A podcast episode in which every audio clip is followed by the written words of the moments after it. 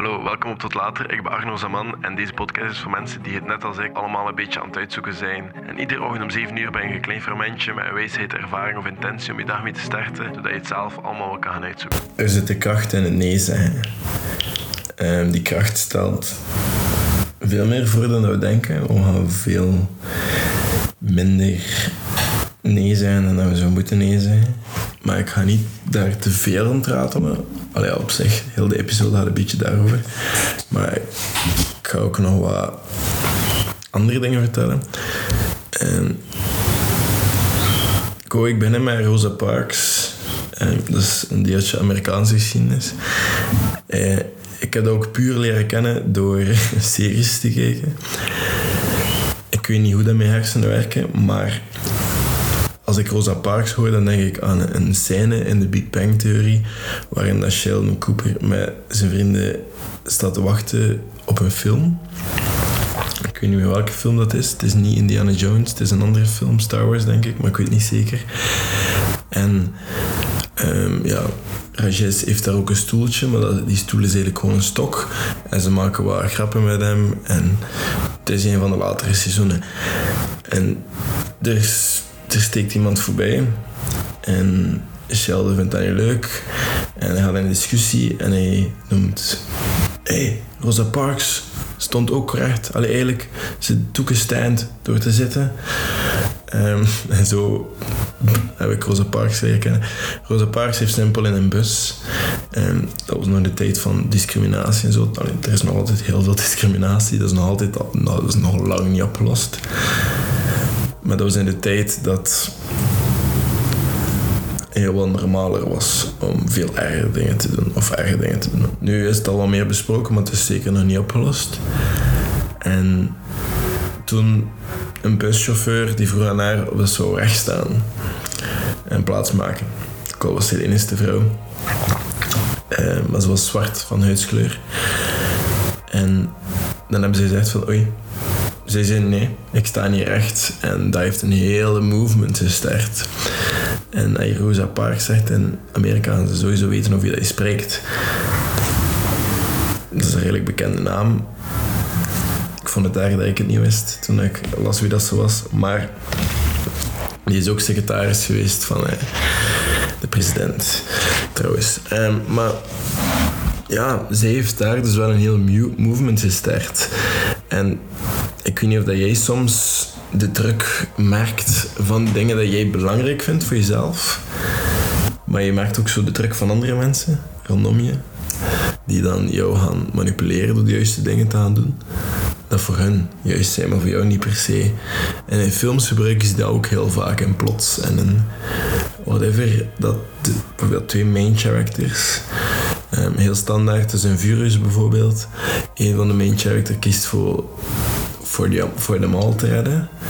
En de andere is meer socialistisch ingesteld en die gaat meer gaan kijken van oké, nee. Want dan ga je die opofferen, ga je die opofferen, ga je die opofferen om ze allemaal te redden dat ze niet zitten. En die twee, die twee karakters gaan altijd iets anders leuk vinden. Alleen belangrijk vinden. Leuk als het niet vinden. Belangrijk. En dat botst en dat werkt. Dat zijn heel verschillende plottrucjes dat regisseurs of eh, schrijvers maken. Screenwriters of whatever. En dat werkt. En dat, wij, zien graag die human struggles en die zotte dialoog. We zien dat graag. Ook al is het soms wel geforceerd. Maar wat dat belangrijkste is en wat de meeste mensen doen, is proberen leven, dat is heel zeldzaam. Mensen die echt durven leven. En ik zeg dat zonder te oordelen. Hè. We hebben onze goede redenen om bang te zijn van nee te zeggen. En we zullen ons altijd zorgen maken of dat we nieuwe kansen of nieuwe opportuniteiten zullen missen daardoor. En we zijn bang om chaos te creëren of tegenwijs te zijn of tegenstrijdig. En we gaan zeker geen bruggen willen verbranden. Maar we kunnen niet de gedachten toestaan van ja, FOMO. We hebben het allemaal fear of missing out. We denken als we nee zeggen dat we dan een slecht persoon zijn of dat anderen disappointed gaan zijn en wat we zeggen. En dat, dat is het mens zijn. Maar toch is dat zo hard om nee te zeggen tegen iemand, want ja, je faalt aan die persoon, maar je zegt, dan niet, je zegt niet nee tegen die persoon, je zegt gewoon nee tegen wat die persoon nu zegt. Of de, de kans dat nu geeft. Of whatever dat hij je nu geeft, daar zeg je nee tegen, omdat jij gewoon niet, te, Ja, je kan het gewoon niet. Of je wil het niet. En dat is ook oké. Maar als je faalt om nee te zeggen wanneer dat nodig is, dan kan dat ervoor zorgen dat je iets veel belangrijker mist. En er is nog zo'n verhaal. Er was een meisje. En ik heb dat gelezen, dat verhaal nu in het boek Essentialisme, dat eigenlijk over heel dit concept gaat. En dat is nee zeggen. En ik wou dit hiermee afsluiten omdat ik dat zo mooi vond. En er is een meisje, Cynthia noemt ze. En ze vertelde over haar vader. En dat ze plannen maakte om s'avonds weg te gaan met haar. In San Francisco. En ze was 12 jaar oud. En haar papa... En haar papa had een presentatie. En ik ga straks wel zeggen wie dat die papa is, dat doen we nu niet toe in het verhaal. En ze ging daar het laatste uur staan. Zodanig dat ze, was dat die wat vroeger was. Was al tot op de minuut als ze alles gepland. Ze wisten wat ze moesten doen. En ze ging eerder vertrekken voordat mensen de tijd hadden om hem aan te spreken voor vragen of whatever. En dan gingen ze de trein pakken naar Chinatown. Ze gingen daar Chinees eten, want dat, dat was hun lievelingseten samen. En dan gingen ze wat mag gaan rondkijken, wat sightseeing, een souvenir kopen en dan een film kijken. Ze gingen een film gaan kijken en dan gingen ze terug naar het hotel gaan, in het zwembad glippen en daar zwemmen, want de papa stond blijkbaar bekend om in het zwembad te gaan als het gesloten was. En ze gingen in het zwembad gaan, ze gingen dan terug naar, naar de kamer van het hotel en daar een hot fudge bestellen. En dan nog de Late Late Show bekijken. En continu hebben ze al die details met elkaar besproken. Al die details waren heel uitbundig besproken met elkaar. En de anticipatie was eigenlijk deel van heel... Ja, was eigenlijk deel van heel de beleving. We hebben dat vaak, hè, dat we, bijvoorbeeld als we dagdromen over op reis gaan, is dat veel leuker dan eigenlijk op reis gaan zelf. En dat is gewoon het effect van dopamine en al die hormonen die opgewekt worden als ze denken aan iets dat we kunnen krijgen. En dat was waarschijnlijk ook een beetje hetzelfde. En die avond kwam dan. Ja, de presentatie, Cynthia stond daar. En ze gaan door de hang. Want als het gedaan was, gingen ze direct vertrekken. En iemand roept Steven. Want die papa noemde Steven. En die begon te knuffelen. En Cynthia was aan het kijken, wat gebeurt er nu? En die mannen waren aan het knuffelen en zeiden, ja, het is veel te lang geleden. En dat waren blijkbaar oude vrienden van college. En weet je wat we moeten doen? We moeten samen nu op restaurant Seafood, I won't take no for an answer. En want dat eten, dat was blijkbaar niet normaal lekker en zo erbij praten. En hij zei, het is veel te lang geleden. Steven antwoordt, Bob, het is geweldig om je te zien. Dinner, that sounds great. En op dat moment Cynthia die hele avond voor ogen voorbij flitsen. En ze zegt, ga. En haar, in haarzelf zegt ze van zeevoet, ik vind dat niet eens lekker. En we hadden nu zo lang gepland. Ik wil die avond. En ze had geen zin om op het restaurant te zitten en te luisteren naar dat gezaar van oude volwassen mensen. En zich heel de avond te vervelen. Maar hoe, ze legt ze de neer. Maar dan zegt Steven but not tonight. Want ik heb een speciale date gepland met jou, Cynthia. Niet waar? En ik knip daar. En hij pakt haar hand en ze gaan weg.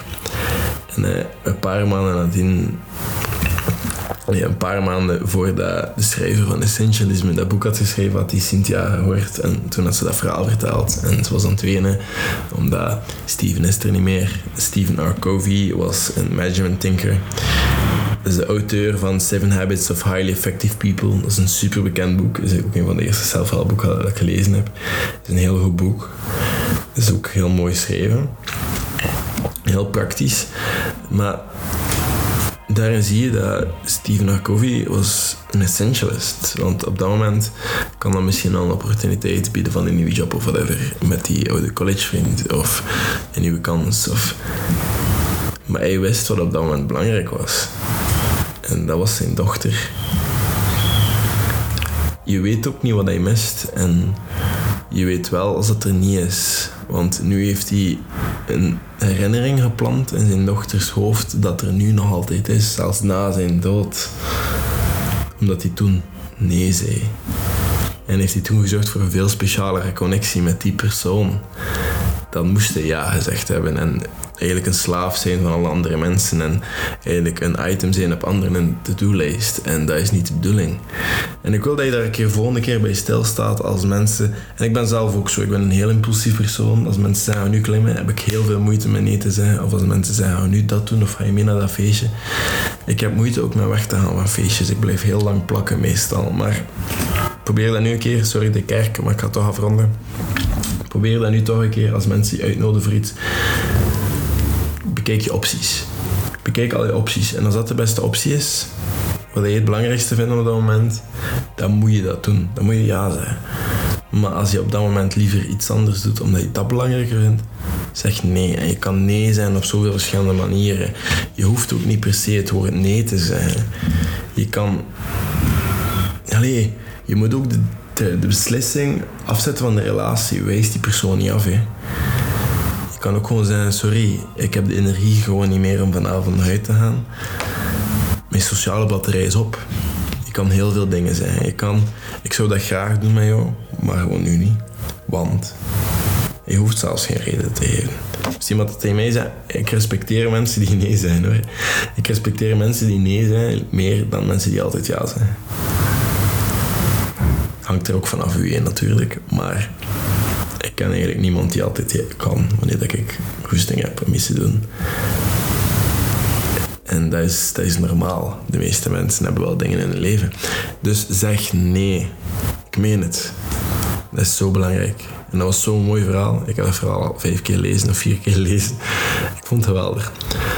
En de, ja, ik ga dat waarschijnlijk nog heel lang onthouden, mee kennende. Maar eh, dat was vandaag. Ik hoor je dat vertellen.